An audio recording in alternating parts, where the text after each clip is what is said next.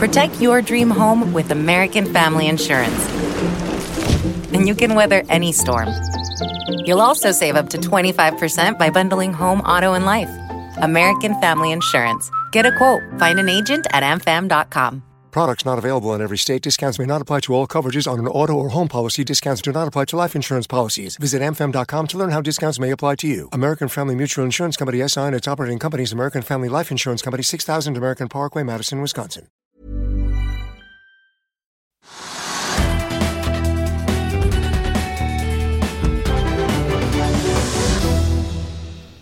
En riktig god eh, Valentine's Day og velkommen til oss her i FA-TV. Du ser eller hører på Økonominyhetene, og mitt navn er Marius Lorentzen. Idet vi altså har kommet til onsdag 14. februar. Mens en rekke selskaper er ute med kvartalstall denne februardagen, så sparkes også Oslo Energy Forum i gang. John Kerry er i byen, og sentralbanksjefen sitter nok og finpusser på morgendagens årstale. Så ser det også ut til at markedet altså begynner å legge inflasjonsskrekken fra i går bak seg. I denne sendingen så skal vi snakke biotek og programvare. Vi hører nemlig fra både sjefen i Ultimovax og Smartcraft, i tillegg til å gi deg en oversikt over de viktigste nyhetene. Men først la oss titte nettopp på markedet, hvor ting ser ganske lystige ut. Vi så jo at man ikke likte inflasjonstallene fra USA i går, som sendte Wall Street rett ned. Vi klarte jo da ikke å få den amerikanske KPI-en ned under 3% som ventet. Wall Street stengte altså kraftig ned i går.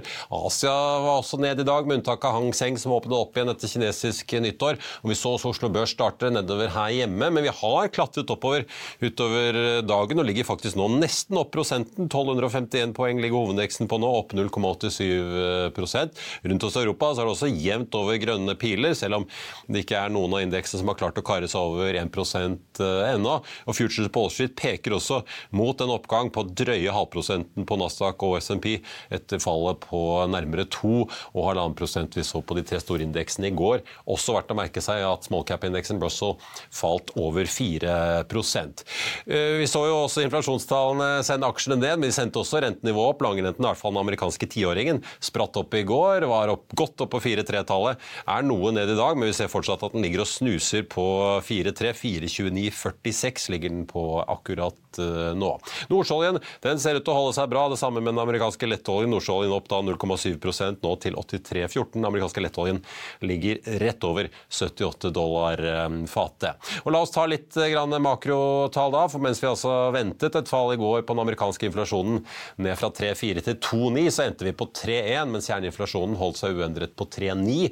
I dag har britene kommet med sine inflasjonstall, og de holdt seg uendret på 4 blank, noe under de 4,2 som var ventet. Kjerneinflasjonen endte uendret i Storbritannia på 5,1, var ventet å tikke oppover lite grann. Til sammenligning ligger vi jo her hjemme da med en kjerneinflasjon på 5,3 nå, og en konsumprisindeks på 4,7, så godt over hvert fall det amerikanske nivået. Og La oss holde oss litt i makroland, for SSB er uten betalt fra nasjonalregnskapet i dag. Brutto nasjonalprodukt, altså BNP for fastlandsøkonomien, økte med 0,7% i fjor, fra 2022 altså, målt i faste priser. Norsk økonomi tilnærmet uh, flat gjennom eh, fjoråret, og vokste kun 0,2 da i fjerde kvartal, opplyser SSB. Seksjonssjef eh, Pål Sletten forklarer den svake veksten med at den økonomiske utviklingen gjennom året sitat, var preget av kraftig kraftig innenlandsk prisstigning, økte renter og redusert etterspørsel fra husholdningene. Og De peker jo da både på svake si, impulser fra bygg og anlegg, og også store deler av varehandelen som preges av at husholdningene får vi si det minste prioriterer konsumet. Det virker som folk fortsatt flyr og reiser en del da. Før vi kjører videre, så vil jeg bare minne om at hvis ikke du rekker å se denne sendingen, så kan du også høre den ved å søke opp Økonominyhetene på Spotify, Apple Podcast eller ved å gå inn på f1.no-podkast. Programvareselskapet Smartcraft, som lager løsninger for håndverkere og byggenæringen, er også blant selskapene som er ute med kvartalstall i dag. Kollega Torgeir Kveim Sti har tatt en prat med sjefen i selskapet, som nå har opplevd at det har kommet bud på flere av konkurrentene. Smartcraft er opp en 1,2 i dag, og her er er det intervjuet. Gustav Lidene, konsernsjef i Smartcraft. Hvordan eh, vil du oppsummere kvartalet? Du, eh, tre ting som jeg har lyst til å nevne. Det ene er at eh, våre repeterende inntekter, altså annual recurring revenue, økte til 387 millioner. Det er en organisk vekst på 14% som er, må sies å være bra i dette markedet. I tillegg til det så har vi en margin, en, en justert EBTA-margin, på 39% som er en økning på 1,1 prosentpoeng i forhold til samme kvartal året før. Det siste som jeg også syns er viktig, er at kundefrafall, altså customer churn, har faktisk gått ned fra 7,9% til 7,2% i kvartalet, sammenlignet med kvartalet før. Så har det jo skjedd litt i bransjen også. EQT har vært ute og lagt inn bud på to av konkurrentene. Hva er det som foregår nå? Dette er jo en veldig, veldig, interessant marker med stor oppside, masse muligheter for digitalisering. Det er jo den minst digitaliserte bransjen i verden omtrent. Så det at det kommer flere aktører på banen er kjempespennende. Det, det betyr høyere attention, men også muligheter for oss. Både fordi det blir litt økt konkurranse, som er bra for oss, og kursoppgang? Kursoppgang også, det kan du si. Så det har jo hatt en positiv effekt med seg.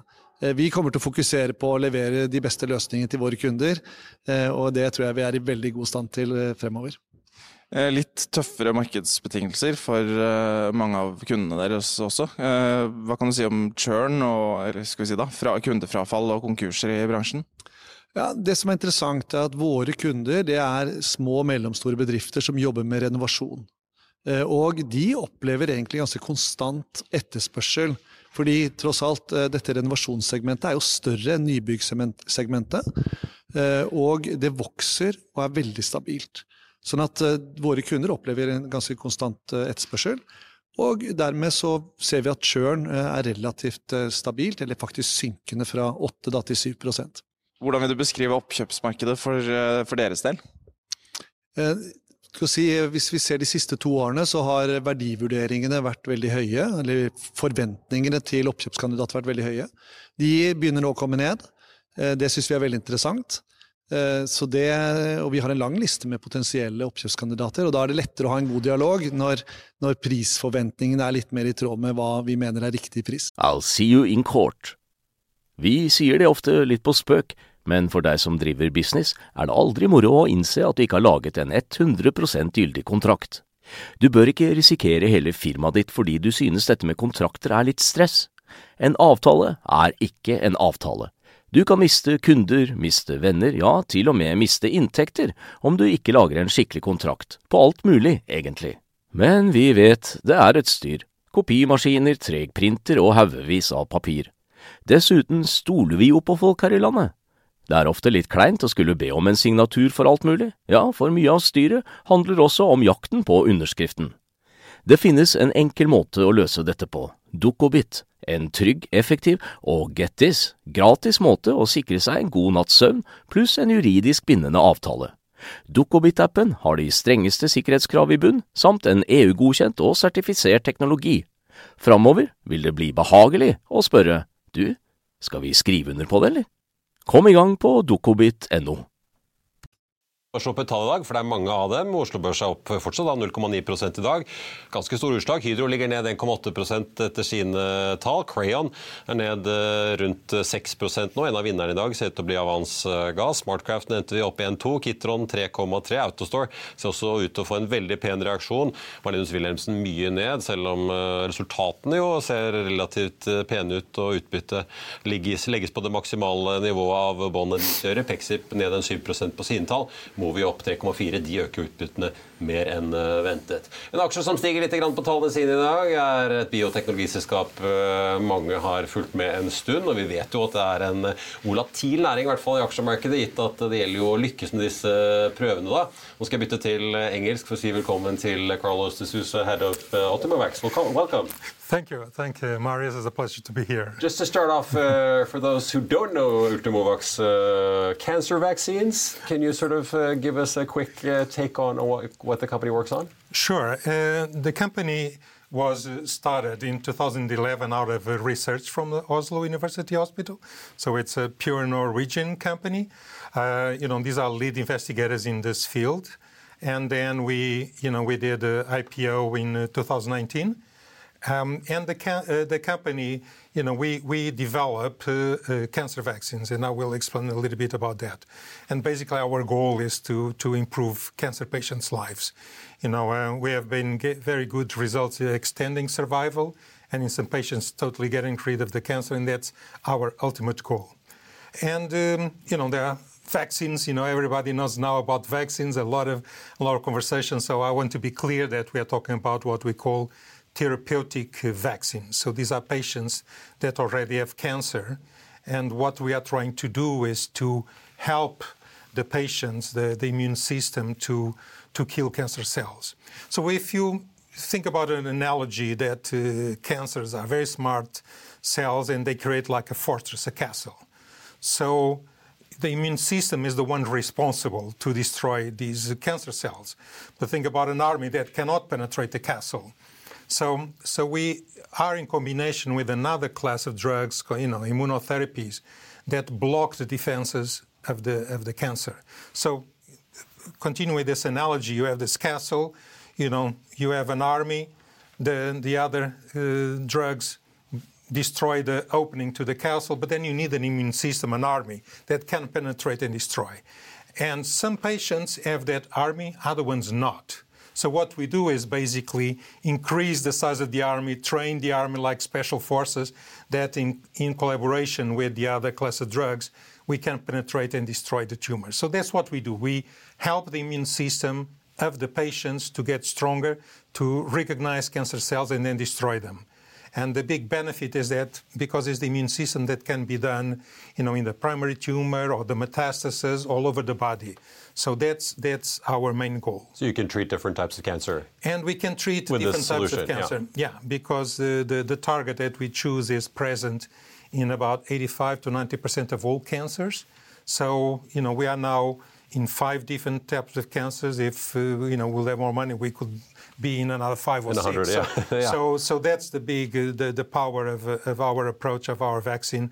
One of them is the fact that it can be used across multiple cancer types. But let's talk about the year that you're uh, sort of entering now, because, uh, like you said, you have five different trials uh, running. Last summer, we got the results for the first one, which were disappointing, and I saw that uh, the uh, analyst uh, in DNB Markets, uh, Geir Hiller Holom, who covers the company, said that if you get a secondary result like that, it will be uh, catastrophic. And we all know the binary nature of the uh, the pharma industry, right? When you develop these drugs, it's uh, it's very often either or. There's very uh, rarely, it seems, sort of a middle way. Um, can you talk about now the pipeline, given that you you got the results for the first out of these five trials?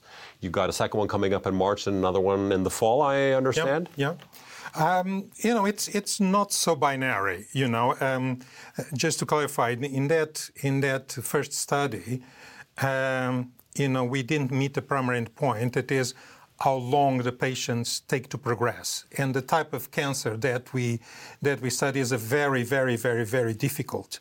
You know, it's uh, normally in, in patients that were exposed to asbestos, you know, insulation, and uh, and the patients normally progress in less than six months and then die very fast. So the part that we didn't show was that there was a difference in the time to progress. But we showed that the patients that were treated with our vaccine, you know, responded twice as much as the, the, the, the other arm, the combination, and we improved the survival by 27%. And these patients have no treatment alternative. So you know, in that regards, yeah, we didn't miss the, the we missed the primary endpoint, but no one has ever met yet in that indication. But we have very good uh, uh, signs in terms of in, impacting on survival in patients that have no other alternatives. Now we are talking about different, you know, we are talking about melanoma, skin cancer. As you know, you know, was uh, very surprising for me, you know, because I'm from Portugal, so you know, it, we are a little bit more protected. That uh, skin cancer is such a high incidence in Norway. You know, Yeah, the Norway- Nordics is a big. Uh, yeah, uh, you know, skin cancer in Norway is, is a big problem. So that's what we are talking about now. And um, the, the, you know, the exciting part is that uh, we are the most advanced uh, vaccine, cancer vaccine in the world in terms of uh, what we call off the shelf. The big advantage of our vaccine is that it's ready to be administered when needed. That is a big difference to some of the other approaches like the personalized vaccines. So the, the study that we are going to be now getting the results, we combine with is the currently the, the gold standard of care. So if we show a benefit on top of that gold standard of care, you know, these uh, results are spectacular because no one has shown so far. And you measure that primarily in life extension, or, Uh, we, you know, the first or one. can you actually cure patients? Uh, you know, the first part we measure is uh, how many patients progress you know, in these are two arms, so it's a comparative standard of care in one arm and standard of care plus our vaccine in the other one. And then you compare how many patients don't progress, and then you see if there is a difference. And that is what we call the primary endpoint. But then, in addition, you you see, you know, what how many patients are alive, for how long they stay alive. So that we will continue to follow these patients. You know, how what was the percentage of patients that responded to the treatment in each arm, the duration of the response. So there is a lot of a lot of information that is there. So we in March we're going to disclose if we met or not this primary endpoint, if there is a difference, and if there is a difference there, this is the first time. You know, so the, the whole world is really, I'm not exaggerating, is waiting, waiting for, for these data. results. And then you have also in the fall coming up uh, even more results that we should look out Yeah, for if you yeah. follow the stock. Yeah. Yeah, and that is in head and neck, another very, very, very difficult uh, cancer. But uh, you know, the the, the big uh, the big news are going to be now the the ones that we have in March and that we expect with positive data to then present at a major medical conference, and uh, and, and that is very important for visibility. You know, um, uh, this morning I talked about you know if we present at one of these major medical conferences, you have about 40,000 people attending. So, and you have everybody there, the, all the doctors that treat patients, uh, nurses, patient advocacy groups, the big pharmaceutical industries that, you know, we will look to partner, investors, regulatory authorities. So it's very important that uh, then we are able to present in these type of forums uh, the, the, the data. But uh, given that, depending on the results, obviously, but Mm-hmm. does that mean in, in practice you'll have two different tracks that the company can continue developing depending on the results? That you could either have uh, zero or you can have either one or the other, or you could have both in, in theory if they're yeah. both successful? Um, y- yes, absolutely. So, so the idea here that we are t- what we are trying to to show is that we can be used across multiple cancer types. So, you know, we're not necessarily say that we are going to be have positive results in all of them, but so you can you can continue in one type of cancer, in two, three, or four. Uh, but uh, but of course we this is the part where we will be uh, discussing with potential partners, big pharma, because they have the money to to initiate multiple cancer uh, multiple studies. yeah. Because that, uh, whenever I have a biotech company, I always ask about the money because you you write that you're financed now through 2024. Your cash holding uh, ended at uh, just under 270 million kroners, um, down from 425. You ran through your operating results, negative 60 million uh, in the quarter. Um, when will you have to, and when do you expect to come uh, with news regarding either partnerships or whether you'll uh, have to require new additional financing, either through uh, equity or other forms? Um, you, know, of course, a lot is going to depend on the results. You know, so based on these results, we accelerate the discussions with potential partners. Uh, but also, it is important that when you are in negotiations, you know, you have a solid uh, financial situation. You know, you don't want to be negotiating and running out of money because otherwise they, they will take advantage of you. Yeah. I was on the other side, so You know how it works, I was on yeah. the other side of the table. I know how it works. So, so of course, you know, we'll be will be considered by the board to to look at uh, how can we strengthen the the financial situation, you know, so that we are negotiating from a position of strength. But you, you know, if we have positive data, you know, the the impact is going to be very big on the the value of the company. So, Right. You know, we don't see that as a as a challenge. Right, but we can expect something later this year at some point uh, to You know, get some we- we- clarification We, on. will, we will, yeah, we will keep the market updated on, on, on the developments, you know, and we'll see how the, the data then how, how the market responds to, to when we present in these big conferences, because normally that's a, a big impact. So, and we will plan according to that. And where do you see the future of the company going? Um, like you said, Big Pharma always pays attention uh, to new products and, and new treatments coming along. Um, is it a partnership primarily that you're looking for, or could the whole company be bought out if these results turn out to be positive? Well, you know, the part that we can control, as you know, is is enter into partnering discussions. You know, an acquisition can happen at any time. You know, as they say, We've seen so many Norwegian co- biotech companies uh, yeah, you get know, acquired as through they the say, years, companies right? are not sold, are acquired. So Yeah. we are not, we are not there, you know, by us now. You know, what we are doing is is making sure that we uh, do all the activities we need to do, also to, to remain independent because that that is important. Uh, but um, you know, uh, we will be discussing partnering opportunities. If that if that ends up in a in an acquisition, it's a possibility. You know, uh, but, but uh, you know the farmers are have a lot of cash, as you know. They are they they definitely need to find alternatives because they they big problems in this in the sector are running out of patent. So um, we think that um, positive data will trigger a lot of a lot of activity also on, on that on that side. And I assume the big pharma is paying attention to more than just the weight loss drugs these days, uh, even though uh, the discussions in the media seem to no, be absolutely. a lot about the weight loss drugs. Yeah, you know, well, you know, you know how it is. But uh, cancer, uh, cancer uh, is not going to go away and uh, continues to be one of the key indications. As a matter of fact, you know, yes, okay, we cannot compare now with the with obesity drugs, but uh, uh, but cancer is going to remain, and it's still a big issue. And you know, and, and I think also emotionally, as you know, everybody has someone in the family that is touched by by cancer. So it's um, it's it's an area that you know we we, we feel very very strong that we want to to make an impact on patients' lives. So we hope that UV1 will be that because it will be good for patients uh, but also for our investors.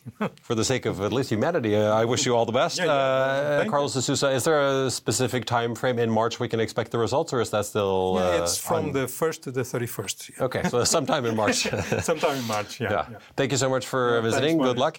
Uh, Kitron er blant selskapene som har sluppet tall i dag. Aksjene er opp nesten 4% siden nyttår og stiger rundt 5% i dag. Det er ikke like sterkt som en av storkundene deres, Kongsberg Gruppen, men siden selskapet er eksponert annet av forsvarsindustrien, så er den jo interessant å holde et øye med. Aksjen har nå brutt gjennom flere tekniske nivåer som kollega Stein Ove Haugen har sett nærmere på. Bare se her. Ja, det skal teknisk analyse av Kitron, som har fått seg en opptur i dag. Aksjen den er opp 5,9% nå, til 35 kroner og 15 øre.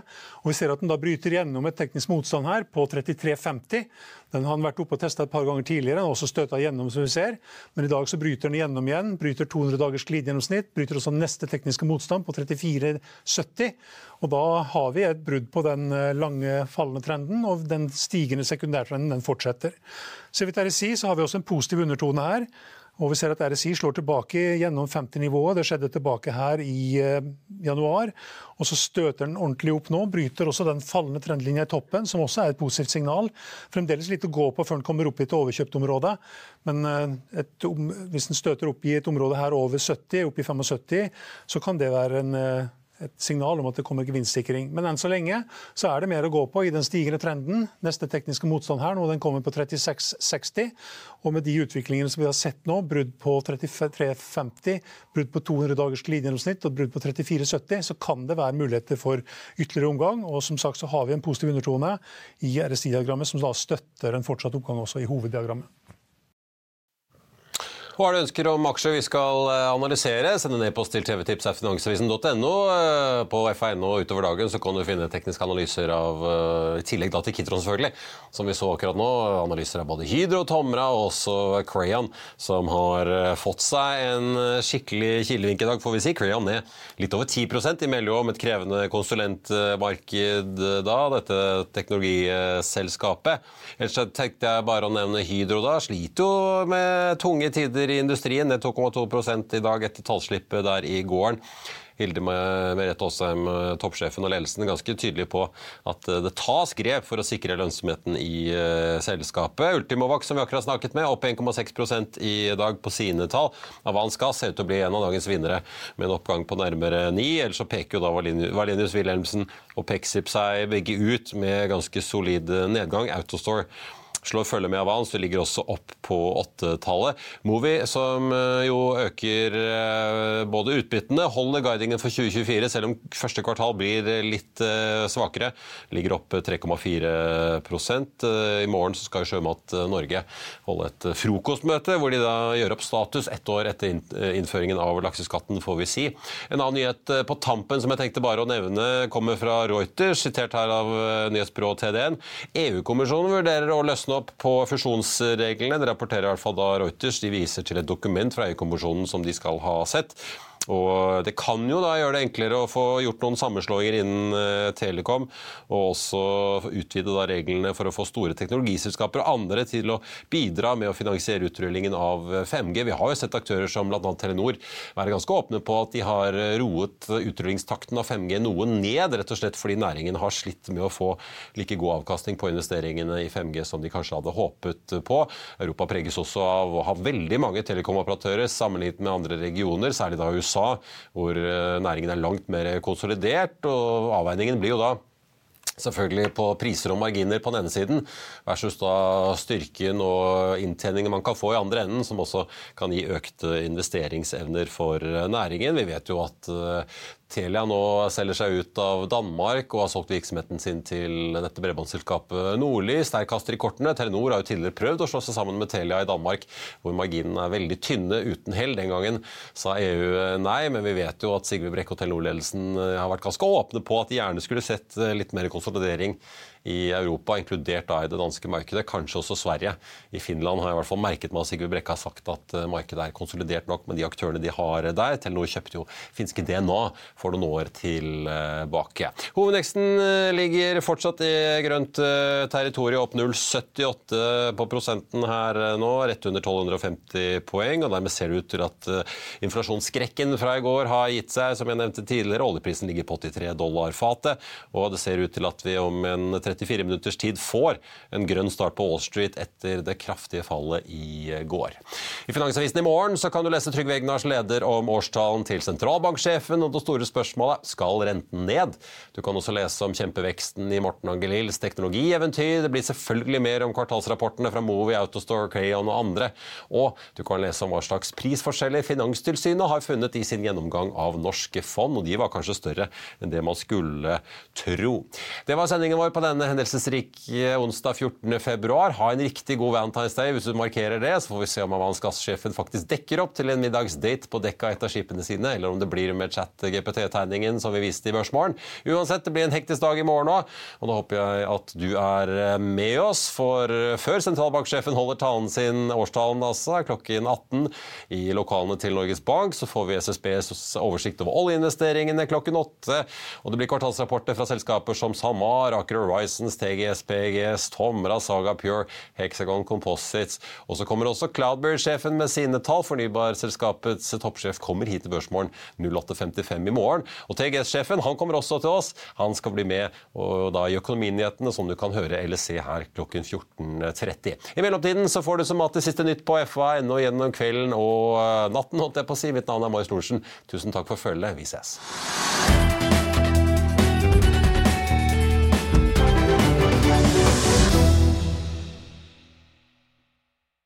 Økonominyhetene er en podkast fra Finansavisen. Programledere er Marius Lorentzen, Stein Ove Haugen og Benedikte Storm Bamvik. Produsenter er Lars Brenden Skram og Bashar Johar. Og ansvarlig redaktør er Trygve Hegnar.